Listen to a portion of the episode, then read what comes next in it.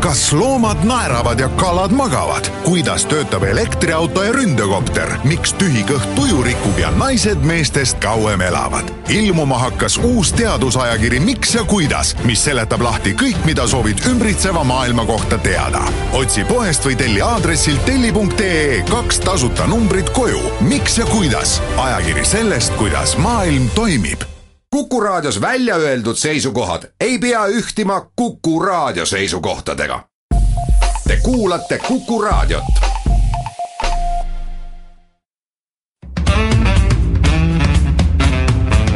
muuli ja Riikoja tere päevast, head kuulajad, kell on kaheksa minutit üksteist läbi, reedene päev on viimased nüüd juba kuu aega olnud Muuli ja Riikoja saate päralt, Kalle Muuli ja Hindrek Riikoja on stuudios. tervist!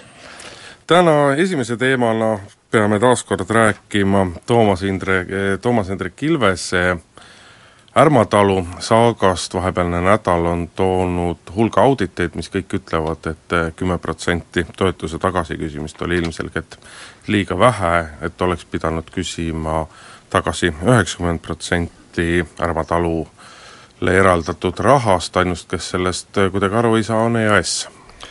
teiseks püüame siis rääkida Keskerakonna homsest kongressist, kus ilmselgelt vahetub erakonna esimees, peaaegu et veerand sajandit seda erakonda juhtinud Edgar Savisaar ja, ja vaatame, kuidas see võib mõjutada siis äh, esmaspäeval üle anda kavatsetavat äh, umbusaldusavaldust peaministri vastu, mille algatajaks on samuti Keskerakond. osad valitsuserakonnad tahaksid kangesti läbi suruda mõtet, et riigiettevõtete nõukogudesse ei tohi kuuluda vähemasti Riigikogu liikmed, aga pigem lausa poliitikud, peaministripartei sellest kuidagi vedu ei võta. ja Nordica, meie lennufirma riiklik, millele on ennustatud hukku ja kadu ja ja samasugust saatust nagu tema eelkäijale, on siis teatanud rõõmsa uudisena ootamatust kasumisse jõudmisest.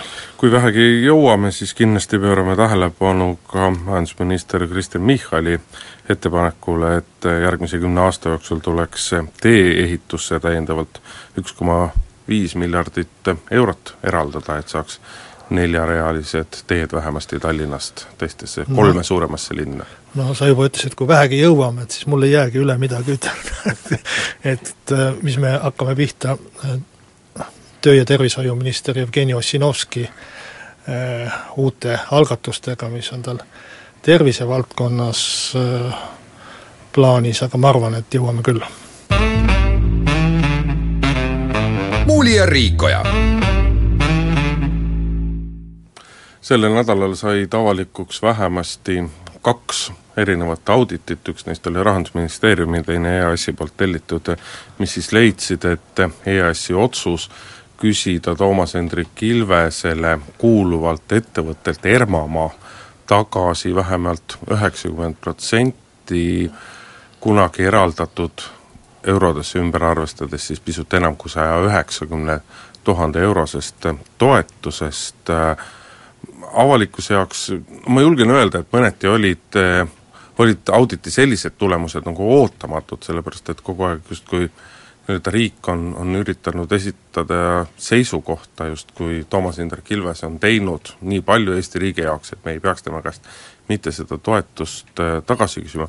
mis minu jaoks aga nagu kõige hämmastavam on, on see Euroopa Komisjoni äh, eile avalikuks saanud otsus, et äh, kuigi ära anti, toetusena anti Euroopa Liidu raha, siis Euroopa Liit ei hakka miskil moel asja sekkuma ja jätab nii-öelda selle raha tagasiküsimise või mitte tagasiküsimise riigi otsustada. no ma kujutan elavalt ette, kui üllatunud on, on kõik need no võib öelda tuhanded, kui isegi mitte kümned tuhanded ettevõtted, isikud, kes on erinevaid Euroopa Liidu toetusi saanud ja kes kõik teavad, et Euroopa Liidul on väga selge, väga range poliitika, kui toetust on antud valesti, siis isegi kui eksinud on toetuse jagaja, ehk siis mõni riigiasutus, siis igal juhul toetuse saajalt tuleb see raha tagasi maksta.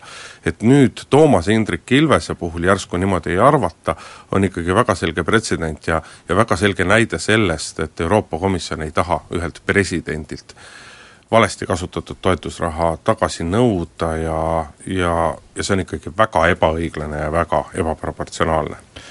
Noh, ma olen otsinud äh, kaua seda hetke, kui ma saaksin kuidagi kiita ettevõtlusminister Liisa Oviiri, kes seni on tegelenud äh, väga kummaliste algatustega, nagu üürikorterid kuskile äh, piirkondadesse, kus neid on niigi null euro eest väga vabalt saada või, või ettevõtjate päeval lipu heiskamine üle vabariigi.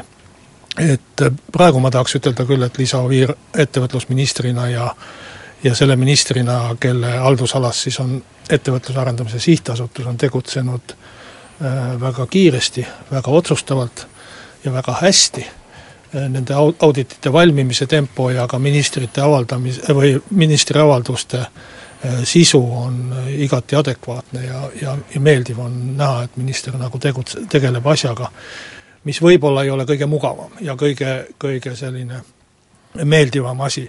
et äh, see Euroopa Komisjoni asi on nii, tegelikult niisugune, et Euroopa Komisjonil on olemas äh, üks põhimõte, et kõigepealt tegeleb asjaga see, kes asjale lähemal on. seda nimetatakse pe-, peene sõnaga subsidiaarsuse printsiibiks, et raske väljagi hääldada. ja, ja sellest lähtudes jäetakse otsus kõigepealt teha sellele, kes, kes vastavalt seda raha annab. et, et see, see, see raha, see rahaandja peab lähtuma teatud printsiipidest ja teatud asjadest, mis on Euroopa normidega kehtestatud, see on õige. et tegelikult EAS, EAS veel tegutseb ja on lubanud nagu kolmanda auditi tegutseda, et täiesti, täiesti noh, selles mõttes ülearune on kuskilt kõrvaline sekkumine. et, et ma arvan, et seal on eelkõige see põhjus aga ma ei, ma ei usu, sellepärast et vaata, EAS on tänasel hetkel selle otsuse juba teinud, et äh, vastupidi, kätte ongi jõudnud EAS-i nõukogu ütles, et nad tellivad veel ühe auditi ja teevad otsuse siis. jah, aga, aga, aga otsus on juba, tegelikult on juba otsus teinud ükskõik millise teise toetuse puhul.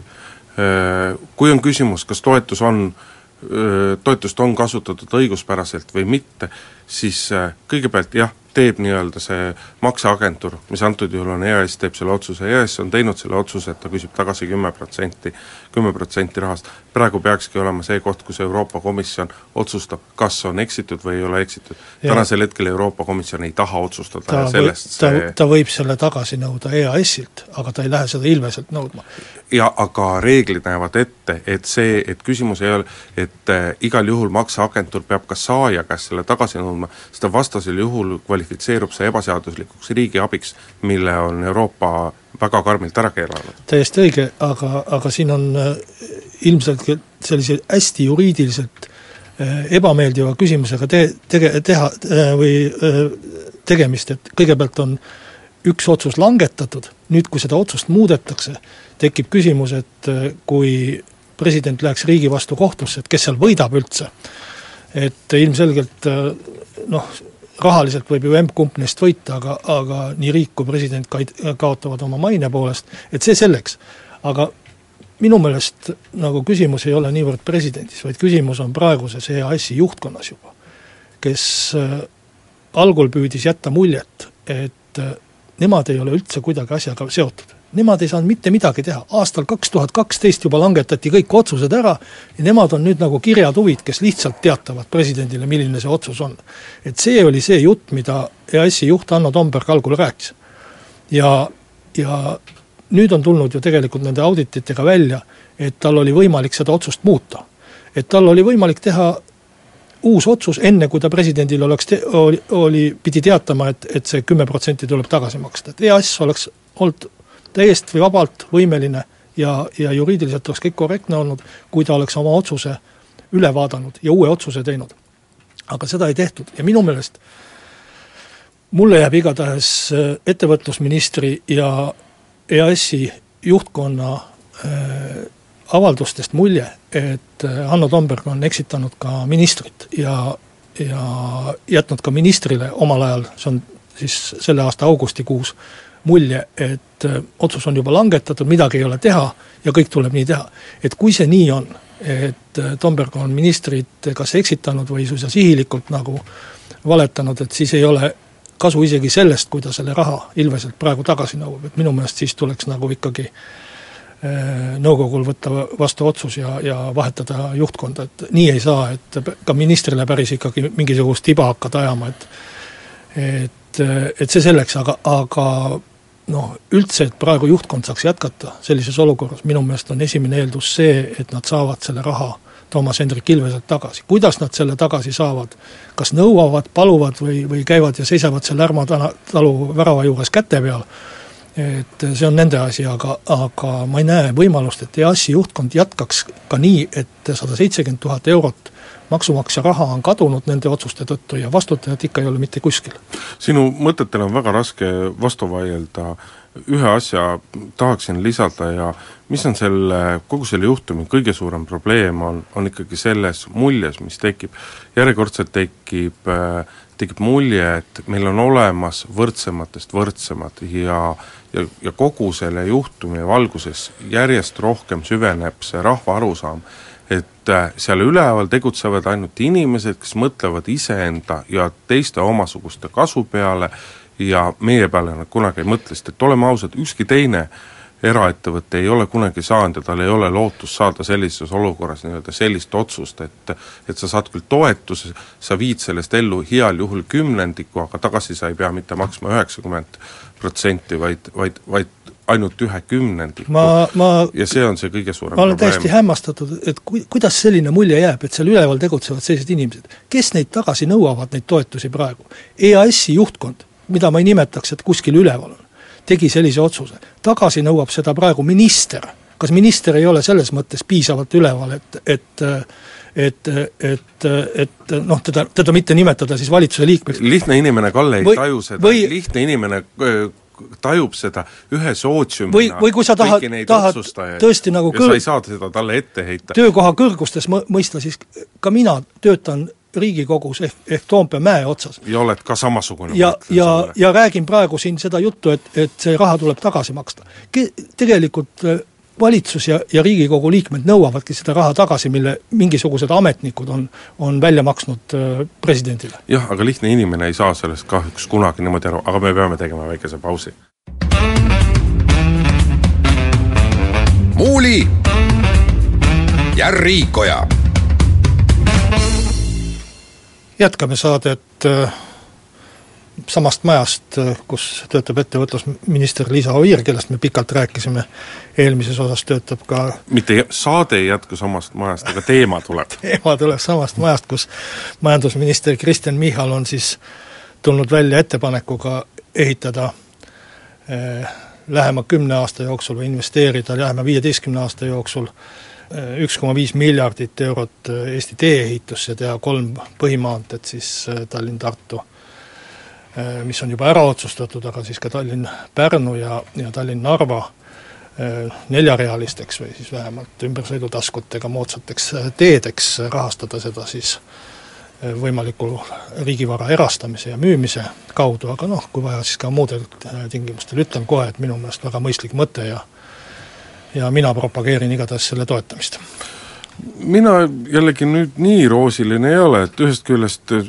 ma käin, sõidan väga sagedasti Tart-, Tallinna ja Tartu vahet ja üksjagu sagedasti, eriti suvisemal ajal, tee viib ka sinna Narva maanteele, et Pärnus käia ma olen, olen küllalt nagu harv, aga ega ma nagu päris lõpuni ei ole kunagi sellest eh, suurest kurtmisest ja, ja hädaldamisest aru saanud, kuidas Tartu maanteele on võimatu liigelda, Tartu maanteele on võimatu liigelda, et äh, minu arust see asi ei ole, ei ole sugugi nii hull ja pigem tõstaksin selle küsimuse sedapidi, et kas meil pooleteise miljardi euroga saaks me võib-olla teha midagi muud, mis meie muidugi saame teha. kiduvale, oot-oot-oot me võime sellega põlema panna näiteks. luba, ma lõpetan. Äh, teha midagi, mis meie kiduvat majanduskasvu rohkem edendaks ja ja, ja, ja, ja meie võib-olla pisut laiemale valdkonnale, laiemale hulgale ettevõtetele rohkem hoogu juurde annaks. et selge on see, et kahtlemata, kui, kui pannakse kümne aasta jooksul täi-, täiendavalt poolteist miljardit eurot, siis selgelt see avaldub ka meie majandus, majandus, Eesti riigi majanduskasvu numbrites, iseasi on, kui palju, aga teetööde teetöid tegevatele ettevõtetele annab see olulist käibekasvu ja nii edasi nii edasi, aga järsku saaks seda majanduslikus mõttes pisut efektiivsemalt käivitada ja näiteks võib-olla Tallinna-Tartu vahele teha kolmerealine tee, aga mitte ka neljarealine tee tingimata. No Tallinn-Tartu tulebki tegelikult äh, osaliselt kolmerealine, see, see osa, mis sealt äh, Põltsamaa poolt äh, läheb Tartu poole, jääb kolmerealiseks, aga praeguse projekti kohaselt, aga ja kindlasti mingites osades on, on mõistlik ka mujal kolmerealisi variante vaadata, aga no see polegi nii oluline, milline see teeprojekt täpselt on, eks see valmib. ja teevad seda targemad inimesed kui poliitikud, teedeehituses targemad poli-, inimesed, aga ma arvan, et et investeerimine ühendusteedesse on üks, üks kõige efektiivsemaid viise majandust edendada. Tallinn-Narva ja Tallinn-Pärnu on ju ka ühendused teiste riikidega, Lätiga ja Venemaaga, meie kõige lähema miljoni linna, linnaga Peterburiga või viie miljoni linnaga. arvad sa tõesti aga..., et rohkem kaubavedusid hakkab seeläbi toimuma, kusjuures nendest kolmest teest ju tegelikult äh, tänasel hetkel Tallinn-Narva on kõige paremas seisus, seal on neljarealist see ei puuduta ainult kauba, kaubavedusid, see puudutab ka muud ühendust ja, ja, ja, ja sidet äh, suurte linnade vahel. aga Tallinn-Tartu, ma ütlen, et minu meelest on regionaalpoliitiliselt ülioluline teha Tallinna ja Tartu vahel eh, eh, suur normaalne maantee, mida mööda inimesed saavad sõita niiviisi, et neil ei ole selg higist märg ja kogu aeg hirm, et nad koju laste juurde ei jõua et praegu see aga miks sa seal tee peal kihutamas käid? sa ei peagi kihutama seal on üheksakümmend kilomeetrit tunnis ja eks sa katsu sõita sellise ilmaga, nagu praegu on akna taga. täiesti kuiva särgiga tulen ära. mina sõidan isegi suurte kottidega bussiga, sellepärast et äh, autoga ma väsin selle sõiduga nii hullusti ära, minu valimisringkond on Tartu, ma pean seal sageli käima. aga et, et see ei ole normaalne tee tänapäeval. et loomulikult saab kuidagi sõidetud aga see ei ole normaalne ühendus riigi kahe suurema linna vahel. see on täie-, see on täiesti normaalne, et ei oleks halb neljarealine, minna... aga sellega saab ilusasti hakkama. küsimus on, kas suht... me seda kulutust peame tegema tänasel hetkel, võib-olla saaks paremat aitab Eesti majandusele mitut pidi kaasa. ja mitte ainult sel viisil, nagu sina kirjeldasid, sel viisil ka, aga ka Lõuna-Eesti ellujäämiseks ja Tartu edenemiseks on ülioluline see maantee. ja kui sa, ma ei hakka suurte riikidega võrdlema, aga mine Küprosele ja vaata, millised teed on sinna ehitatud. ja see ei ole sugugi niisama, et polnud raha kuskile panna. ma tahaks mõnda head arvutust ja analüüsi selle kohta ka näha, aga kuulame siinkohal pooltunni uudiseid. muuli ja Riikoja Kalle Muuli ja Hendrik Riik on stuudios ja värsked uudised poliitrindelt räägivad siis sellest, et homsel Keskerakonna erakorralisel kongressil Edgar Savisaar Keskerakonna juhiks ei kandideeri, juhiks jäävad kandideerima Jüri Ratas ja Yana Toom. Ja võime vist öelda, et võitjaks on Jüri Ratas, küsimus on nüüd häältes. jah, et ega põhimõtteliselt vahet ei ole, kas Savisaar kandideerib või ei kandideeri, seda nimetatakse küll võimuvõitluseks, mis Keskerakonnas veel toimub, aga tegelikult ikkagi ja, ja eks ta mingis osas, väikses osas ongi võimuvõitlus, aga Keskerakonnas võim on siiski juba ammu üle läinud, et võim läks üle hiljemalt sel hetkel, või see vormistati, üleminek sel hetkel, kui vahetati ära Keskerakonna peasekretär, Keskerakonna äh, ajalehe peatoimetaja ja lõpuks ka peakontori ukselukud, et selle, sel hetkel oli selge, et seda erakonda ei juhi Edgar Savisaar.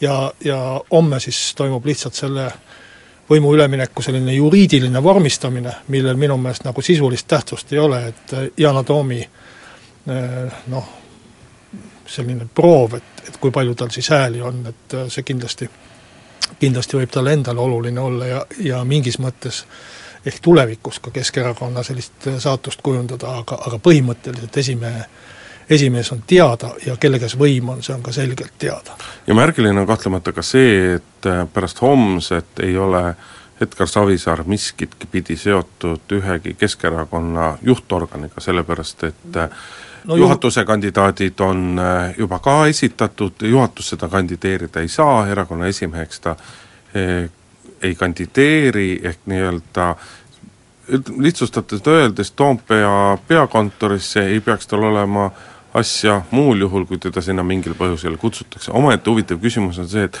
et äh, et kindlasti hakatakse homme, kui juhatus on ametisse nimetatud, seal justkui siis lugema, et, et kui palju on Savisaare leeri ja kui palju on RSR-i leeri inimesi, aga tegelikult see tõde või küsimus ikkagi on see, et et kui kiiresti viimased Savisaare toetajad näiteks äh, õdevenda Lenk ja Laul või siis Oudekki Loone, et kui kiiresti nemad nüüd siis jooksevad äh, nii-öelda teise leeri ülesse või üle või kui kiiresti hakkavad nemad oma sõnades jäägitult ruudust vanduma uuele juhile? no äh, erakonna liikmel on erakonna peakontorisse ikka asja ja, ja uksed peavad tema ees avatud olema, isegi siis, kui ta ei ole tõesti juhatuse liige ega, ega esimees, aga minu meelest nagu oluline küsimus on see, mitte see, mis nüüd homme kon-, kongressil toimub, vaid, vaid tõesti oluline, poliitiliselt oluline küsimus on see, et kas Keskerakond jääb ühtseks. kas äh, Savisaar läheb mingi tükikesega sealt ära Äh, ja kas äh, Keskerakond suudab säilitada venelaste hääled ehk äh, Vene poliitikute toetuse siis koos, koos Savisaarega, et see on oluline küsimus. et selles ma vastan sulle, et jah, suudab, et jah, suudab säilitada ve-, venelaste hääled, sest kui sa, Yana Toom praegu annab pressikonverentsi, on või selle asja lõpetanud, tema ikkagi väga selgelt ütleb, et tema ei lähe Keskerakonnast kuhugile, seeläbi on, läbi tema on olemas ka on ka venelaste hääled ja see erakond jääb ka ühtseks. võib-olla mõni üksik, Peeter Ernits või, või veel mõni läheb fraktsioonist ära, aga, aga ausalt öeldes tühi temaga. Nad on kõik toitumisahelast, nad on kõik toitumisahelast. see ei ole tühi temaga, kui palju fraktsioonist inimesi ära läheb ja kas läheb. et kui Keskerakonnast läheb ära kuus-seitse inimest, siis ma ei tea, kas olete tähele pannud, aga siis minu meelest Keskerakond muutub nii-öelda valitsuskõlbmatuks, selles mõttes, et enam ei ole hääli, millega teha valitsust. et tegelikult Savisaar või Savisaare leer, nende oma esindajate kaudu, kes neil on Riigikogus ja kes ei ole ütleme siis Ratas ja Simsoni leeris, saab kontrollida ka seda, kas Keskerakonnal on üldse võimalus valitsusse minna või mitte, ma ei ütle, et, et keegi teda hirmsasti kutsuks, aga, aga põhimõtteliselt ja teoreetiliselt, kui sealt läheb ära näiteks seitse häält ja jääb järele kakskümmend, siis ei ole võimalik Keskerakonnal teha valitsust enam Reformierakonnaga, hääli on puudu. ja ei ole ka võimalik teha sellist valitsust, kus oleks Keskerakond, Sotsiaaldemokraadid ja Isamaa. et ka sel juhul oleks, oleks hääli viiskümmend napilt või alla selle. et selles mõttes on see ühtsuse küsimus ja kas keegi läheb ära, väga oluline. et praegu me räägime, et Keskerakond ei ole salongikõlbulik sellepärast, et vale esimees on tal, et Savisaar on esimees ja, ja Putini partei ja muud asjad. aga lõhenemise korral või osade saadikute äraminemise korral jääb ka lihtsalt faktiliselt häältest puudu. Neid potentsiaalseid äraminejaid on äärmisel juhul selles fraktsioonis üks-kaks. ülejäänud, kelle puhul me täna justkui räägime, et nad on pigem olnud äh, Savisaare leeris, need on inimesed, kellel kahjuks, ja kahjuks sellepärast, et nad on Riigikogu liikmed, Nad on tulnud Riigikokku pärast seda, kui Riigikogu liikmetele ei ole enam eripensionit kehtestatud, need on inimesed, kellel tööturul rakendust leida on väga keeruline, kui mitte võimatu, on see siis peitus nende isikuomadustes, teadmistes või, või nende just nimelt selles samas poliitilises taustas, nad on nabanööri pidi seotud, neil on, nad on endale liisinud Riigikogu palga ja kuluhüvitise eest väga korralikud autod, millest nad ei suuda loobuda, nad ei luba, suuda loobuda sellest eh, elatustasemest ja sellepärast Aga... ei lähe nad kuhugile puhtpragmaatilistele majanduslikele põhjustele. ega siis keskfraktsioonist lahkumine ei tähenda Riigikogust lahkumist? ei, seda küll, aga sa räägid ei, autodest ja, ja mingitest toiduahelatest aga..., nad kolivad akna alla? ei, ei, ei või, koli. või ei koli isegi fraktsioonist ära, aga ei hääleta? ei, ei koli, sellepärast et nad saavad aru, et nad tahaksid kahe ja poole aasta pärast ta-, jälle Riigikogusse min-, Riigikogus jätkata, aga ükski teine erakond neid vastu ei võta, neil on vaja seda Keskerakonda eluliselt, saa aru? Nad saavad väga hästi aru, et kui võim vahetub, siis neid, kes nad on nii tulihingeliselt kaitsnud Savisaart ja solvanud neid inimesi, kes on Savisaart praegu võimutanud, et neil ei ole seal Keskerakonnas mingit lootust enam. Nad on selle toiduahela lõpus ja, ja võivad seal vegeteerida palju tahavad. sa räägid, nagu Keskerakonnas seisaks ees mingisugune tohutu, tohutu retooriline muutus, tohutu maailmavaate et... meetodite muutust, seda, seda väga suurt muutust ei tule ja vaata, see on see omaette küsimus, eks ole, et milles nagu seisneb see, et Keskerakond saab salongikõlbulikuks. see ei tohiks ju olla seotud teiste erakondade poolt vaadates mitte erakonna esimehe isikuga, vaid see peaks olema seotud selle erakonna käitumismallide, tegevusviiside, ideede ja kõige sellega. et need kõik hirmsasti muutuma hakkaksid, kui palju sinu enda erakonnakaaslased räägivad sellest, kuidas, et salongikõlbulikuks saamiseks tuleb selgelt distantseeruda koostööleppest Ühtse Venemaaga ja nii edasi, nii edasi, nii edasi, ei ole ju kinnitatud, eh, erakonna nii-öelda uus juhtkond ei ole öelnud, et nad kõike seda teevad et tegelikult peaks ikkagi ka erakonna need sisulised muutused ära ootama ja siis rääkima, kas ta on salongi kõlbulik või mitte. Nad kahtlemata hakkavad muutuma. see ei ole väga järsk just sellepärast, et nad tahavad säilitada endale Vene valijaskonda ja see on neile eluliselt oluline. et sellepärast need muutused ei ole järsud ja seda, sellepärast neid, nendest ka ei räägita kõva häälega, aga kindlasti Keskerakond hakkab muutuma tasapisi eh, pärast seda võimuvahetust, see on selge. Asi, millega on Keskerakonna võimumuutus kindlasti oluliselt seotud, on järgmisel nädalal või, või millalgi järgmistel nädalatel toimuv umbusaldusavaldus äh, peaminister Taavi Rõivasele, Taavi Rõivas ise sellel nädalal ütles, et see umbusaldusavaldus kukub igal juhul läbi, see saab heal juhul nelikümmend toetushäält, äh, samas kui me vaatame, milliseid signaale kostub sotside ridadest, siis Urvo Palo, Andres Anvelt on ju kõva ja selge häälega välja öelnud, et ega sisuliselt nemad Rõivase umbusaldust, äh, umbusaldamist pooldavad, sellepärast et Rõivas ei ole oma tööga hakkama saanud, kas nad nüüd ka hääletades päris niimoodi käituvad, see ei sõltu vast mitte nii väga sellest, mida üks või teine sotsiaaldemokraat või võib-olla ka IRL-i liiga arvab, küsimus, see sõltub ikkagi sellest, et kas kui aktiivselt käivad taustal nii-öelda läbirääkimised, kõnelused sellel teemal, et koalitsiooni reaalselt muuta ja Reformierakond sealt välja jätta? no minu meelest on nagu täiesti asjatu selle hääletuse ümber mingit põne, põnevust üles kloppida või mingeid vandenõuteooriaid rääkida, et oi, nüüd ei tea, mis juhtub, no midagi ei juhtu, noh. Täiesti mõttetu hääletus, mis ei muuda Eesti elus mitte midagi, tullakse kokku, ja, ja selgub, et peaministri toetus on täpselt sama suur, nagu ta kogu aeg on olnud. et arvad, et valitsus vahetub pigem pooleteise aasta pärast ehk aastakene ennem valimisi? mina ei tea, kuna ta vahetub, aga igatahes ta esmaspäeval ja järgmisel nädalal ei, ei vahetu ja, ja peaministri hääled on enam-vähem sellised, nagu nad kogu aeg on olnud. Urve Palo on tuntud oma, oma ma ei tea, kõigepealt ta annab koalitsioonile allkirja, koalitsioonilepingule allkirja, siis läheb valitsusse ministriks, siis ta ütleb, et talle ei meeldi kuu aega hiljem tuleb tagasi, siis hääletab jälle teistpidi, et noh, ma sellisest inimesest ei arva midagi, et äh, välisminister Jürgen Ligi vist oli see, kes ütles, et ta on võõrkeha ja ma arvan, et, et see on kõige viisakam väljendus sellise poliitilise tuulelipluse kohta, mida, mida Urve Palosel on harrastanud, et täiesti kama on, kuidas tema hääletab. aga ma arvan, et ülejäänud koalitsiooniliikmed hääletavad nii, nagu nad on kokku leppinud ja, ja, ja koalitsioonilepingule alla kirjutanud, et seda ko-, koalitsioonilepingut ei ole ju kuidagi rikutud, et see, mis toimub, see hääletus, on tegelikult Kadri Simsoni tööõnnetus, ütleme nii. ta ütles kunagi aasta tagasi rumala peaga, et juhul, kui valitsus saadab Juhan Partsi Euroopa Liitu, siis ta korraldab umbusaldushääletuse.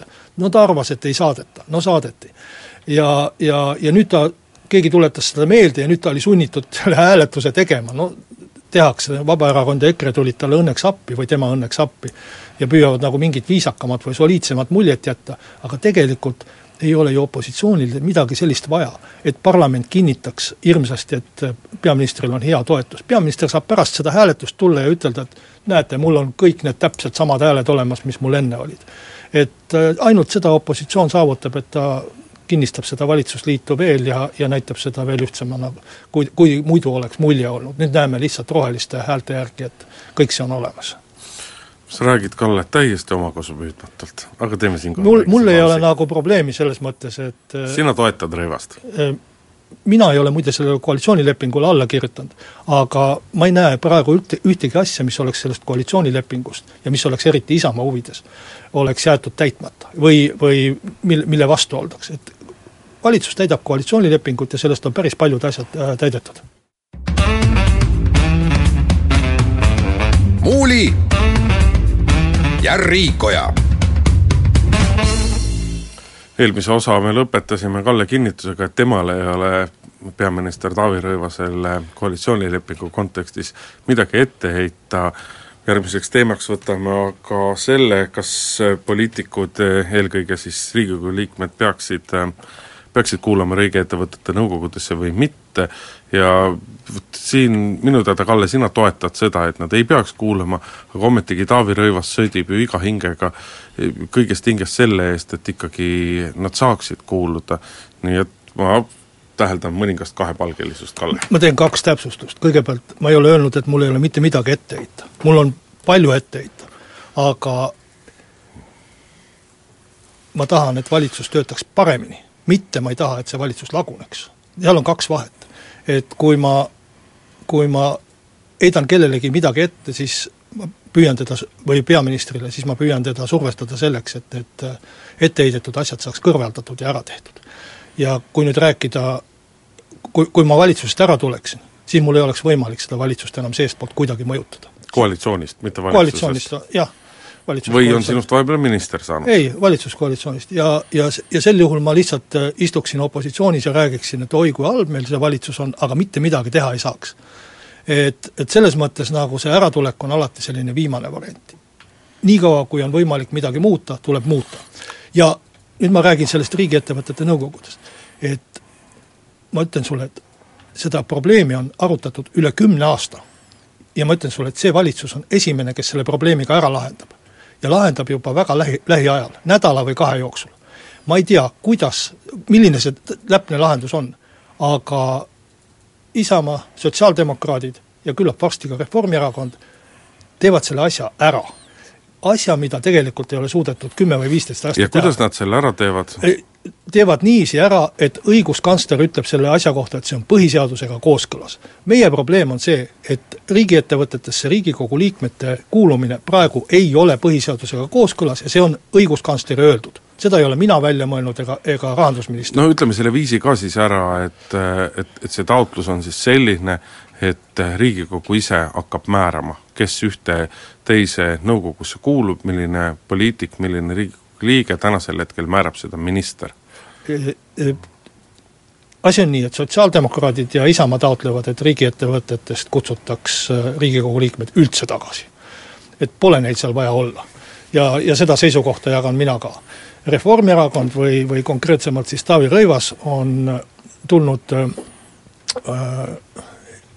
riigi äh,, peaministri kantselei kaudu välja ettepanekuga, et et viime need Riigikogu liikmed Riigikogu alluvusse, las nad annavad aru Riigikogule ja Riigikogu komisjon neid määrab ja sel juhul on vastuolu põhiseadusega kõrvaldatud, kuna nad ei allu sel juhul justkui enam täitevvõimule. no mina ei ole jurist, aga õiguskantsler ütleb, et selline lahendus on ka kooskõlas põhiseadusega no,. aga, aga, aga, aga kuhu valitsus sellega lõpuks jõuab, seda ma tõesti ei tea, aga see lahendatakse nii ära, et põhiseaduse rikkumine kõrvaldatakse. ja, ja see ongi see, mida ma taotlen ja see on see, millega ma rahul olen, ma olen andnud vande, et ma kaitsen Eesti põhiseadust ja ei lase seda rikkuda.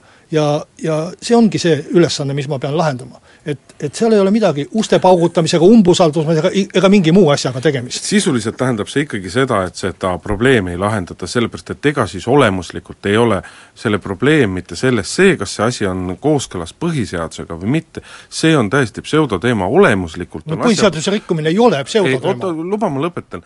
olemuslikult on asja probleem selles, et tänasel hetkel kasutatakse riigiettevõtete nõukogusid poliitikutele, on need siis, kas siis Äh, Riigikogu liikmed või tihtipeale ka poliitikud, kes miskil põhjusel Riigikokku ei pääsenud, seda kasutatakse neile sissetuleku loomise kohana, ilma et need ettevõtted nendest nõukogu liikmetest mingitki reaalset kasu saaksid, sellepärast et need äh, inimesed tihtipeale, ma ei ütle, et mitte kõik, aga suur enamus nendest, nad ei tea mitte midagi ettevõtlusest, nad ei tea mitte midagi nendest ettevõtetest, mille nõukogusse nad lähevad, ja nad ei tea mitte midagi sellest valdkonnast, nad on selle ettevõtte jaoks, on need nõukogu liikmed täiesti kasutud.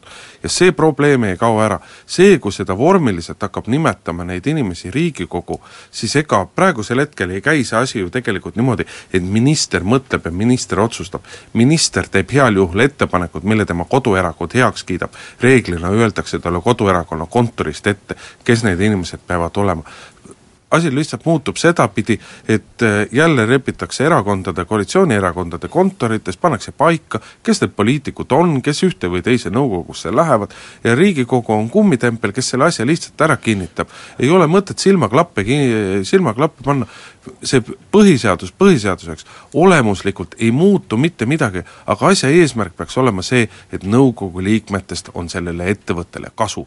Tänasel hetkel tihtipeale see nii ei ole ja see ei muutu no ma arvan, et, et väljaspool Riigikogu ehk seda põhiseaduse konflikti on samuti inimesi võib-olla, kes ei peaks nõukogudes olema, aga, aga nad on määratud, aga mis ma tahan sulle ütelda, on see, et ära räägi mitmuses ja ära räägi mingitest silmaklappidest, Isamaa ja sotsiaaldemokraadid ei ole ammu, kümne, kümme aastat juba oma esindajaid sinna saatnud, Riigikogu liikmeid, on, jutt käib ainult ühest erakonnast, Reformierakonnast kelle umbes kümmekond liiget on praegust nõukogust, riigi, Riigikogust. aga kui te selle kompromissiga aga, aga kaasa lähete kujut..., siis te sisuliselt ikkagi annate aga, sellele süsteemile heakskiidu. kes see ütleb, et me läheme kaasa? Kas keegi on ütelnud seda või? miks sa sellist, miks sa sellise pahatahtliku tõlgendusega tuled või sellise järeleandliku tõlgendusega? aga ma ütleks poliitikute käitumine õhend, õhutab mind sellisele aga, tõlgendusele, annaks jumal, et mul ei ole õigus. me oleme vabatahtlikult loobunud juba kümme aastat tagasi nende esitamisest, ehkki, ehkki võimalus oleks olnud ja, ja kui sa kujutad nüüd Riigikogu kaudu määratavat ette, et Riigikogu hakkaks ainult ühe erakonna omasid sinna määrama ei, mitte ainult ühe erakonna, see lepitakse, siis meil... lepitakse ka see koalitsioonis kokku, kes, milline aga..., milline erakond milliseid eh, nõukogu liikmeid saab määrata, see lepitakse juba varem kokku aga... ja siis ikkagi käib see kummitempli allapanemine ja asi mutta. ma ei ole, me ei ole seda teinud juba kümme aastat, miks me peaksime nüüd seda tegema hakkama? muuli ja Riikoja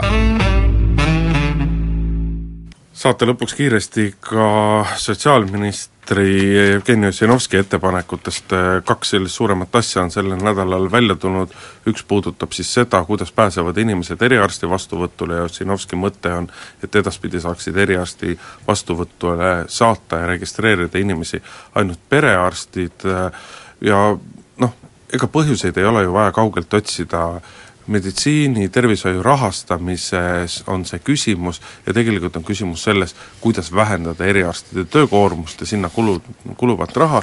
Ja kui me vaatame nagu enda ümber Skandinaaviasse, Kesk-Euroopasse, siis noh, tõepoolest Eesti inimesed käivad teistega võrreldes kordades, kas just kordades, aga olulisel määral enam eriarstide juures. Ja see võiks olla koht, kus rohkem tööd, rohkem protseduure, asju, otsuseid teevad ära perearstid eriarstide koormus jääb väiksemaks ja seeläbi hoitakse raha kokku.